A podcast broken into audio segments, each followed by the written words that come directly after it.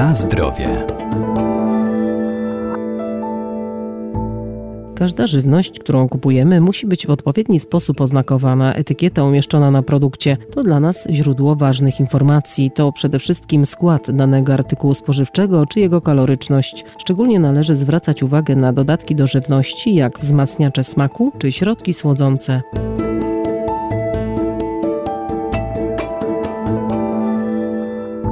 Przy zakupie artykułów spożywczych nie powinniśmy się sugerować jedynie ilustracjami na opakowaniu czy też hasłami reklamowymi, ale na przykład ich składem. Syrop glukozowo-fruktozowy to tańszy zamiennik cukru. Może być wykorzystywany w produkcji musztard, konserw, gotowych sosów czy marynat. Możemy go też znaleźć w lodach, a nawet w wędlinach. Składnikiem, na który warto zwrócić uwagę, to są syropy glukozowo-fruktozowe. My nie jesteśmy ewolucyjnie przygotowani do trawienia takiej ilości fruktozy, która się pojawia w tej chwili w żywności żywności. Profesor Paweł Glibowski, Wydział Nauk o Żywności i Biotechnologii Uniwersytetu Przyrodniczego w Lublinie. Jeżeli to jest prosty cukier glukoza, sacharoza, no to jeszcze te nasze organizmy sobie z tym radzą. Chociaż nawet z sacharozą ciężko sobie radzą, czyli ze zwykłym cukrem. Bo proszę pomyśleć, jak z perspektywy istnienia gatunku Homo sapiens, jak dużo my spożywaliśmy w historii trzciny cukrowej czy buraków cukrowych. No to są ilości naprawdę śladowe. Tymczasem przeciętny Polak spożywa ponad 40 kg cukru rocznie, co daje średnio około ponad 10 deko dziennie i jest to dużo za dużo. No i konsekwencje jak mamy. 3 miliony cukrzyków, 25% e, dorosłych to otyłość. W konsekwencji również mamy 10 milionów osób z naciśnieniem. Syrop glukozowo-fruktozowy jest szczególnie dodawany w napojach, schłodzonych napojach, słodkich napojach gazowanych najczęściej, a więc różne oranżady, napoje typu cola, ale oczywiście y, każdy producent ma swój pomysł na dodatek y, słodzący, a więc trzeba czytać etykiety. Tego nie unikniemy.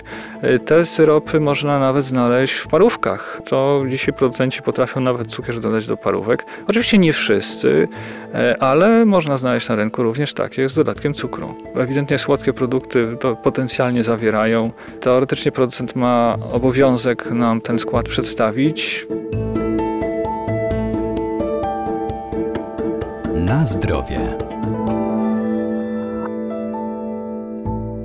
Glutaminian sodu E621 to wzmacniacz smaku i zapachu. Może znajdować się m.in. w chipsach, pasztetach czy sproszkowanych zupach. Na temat dodatków do żywności rzeczywiście budzi wiele emocji, kontrowersji. Z jednej strony oczywiście warto zwrócić uwagę na to, co dany produkt zawiera, natomiast w Polsce i w ogóle w Unii Europejskiej mamy bardzo dobre prawo wymuszające na producentach e, podanie tych informacji na etykietach, a więc każdy konsument może sobie sprawdzić, czy dany produkt zawiera konserwanty, barwniki, jakieś wzmacniacze smaku itd. Tak Z drugiej strony te wszystkie dodatki, które są dodawane, one są legalne, to znaczy, że cały sztab badaczy stał za tym, żeby sprawdzić ich właściwości, szkodliwość itd. Tak Więc w ilościach, które są dodawane do żywności, generalnie nie szkodzą ludziom i to trzeba podkreślić. Natomiast bardzo często się zdarza, że te dodatki są w żywności, która spożywana często i w nadmiarze jest szkodliwa dla osób, a więc nie same może dodatki tak bardzo są problemem, jak to, jakie one są żywności. Jeśli ktoś czyta składy produktów i zwróci uwagę, że one zawierają tam różne dodatki, choćby jakiś glutaminian sodu, no to są pewne badania, które pokazują, że część osób jest dość wrażliwa na ten wzmacniacz smaku, glutaminian sodu,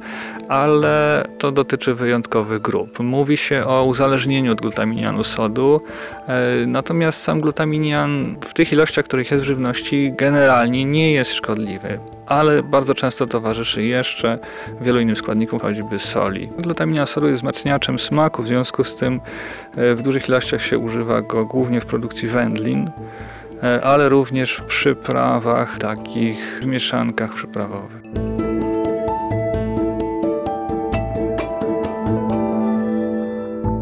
Warto więc czytać etykiety na opakowaniach żywności, którą kupujemy, trzymając się zasady, że im krótszy jest skład danego produktu, tym lepiej. A gdy kupujemy artykuły spożywcze na wagę, informacje o składzie powinny znajdować się na wywieszce czy opakowaniu zbiorczym. Udostępni nam je sprzedawca. Na zdrowie.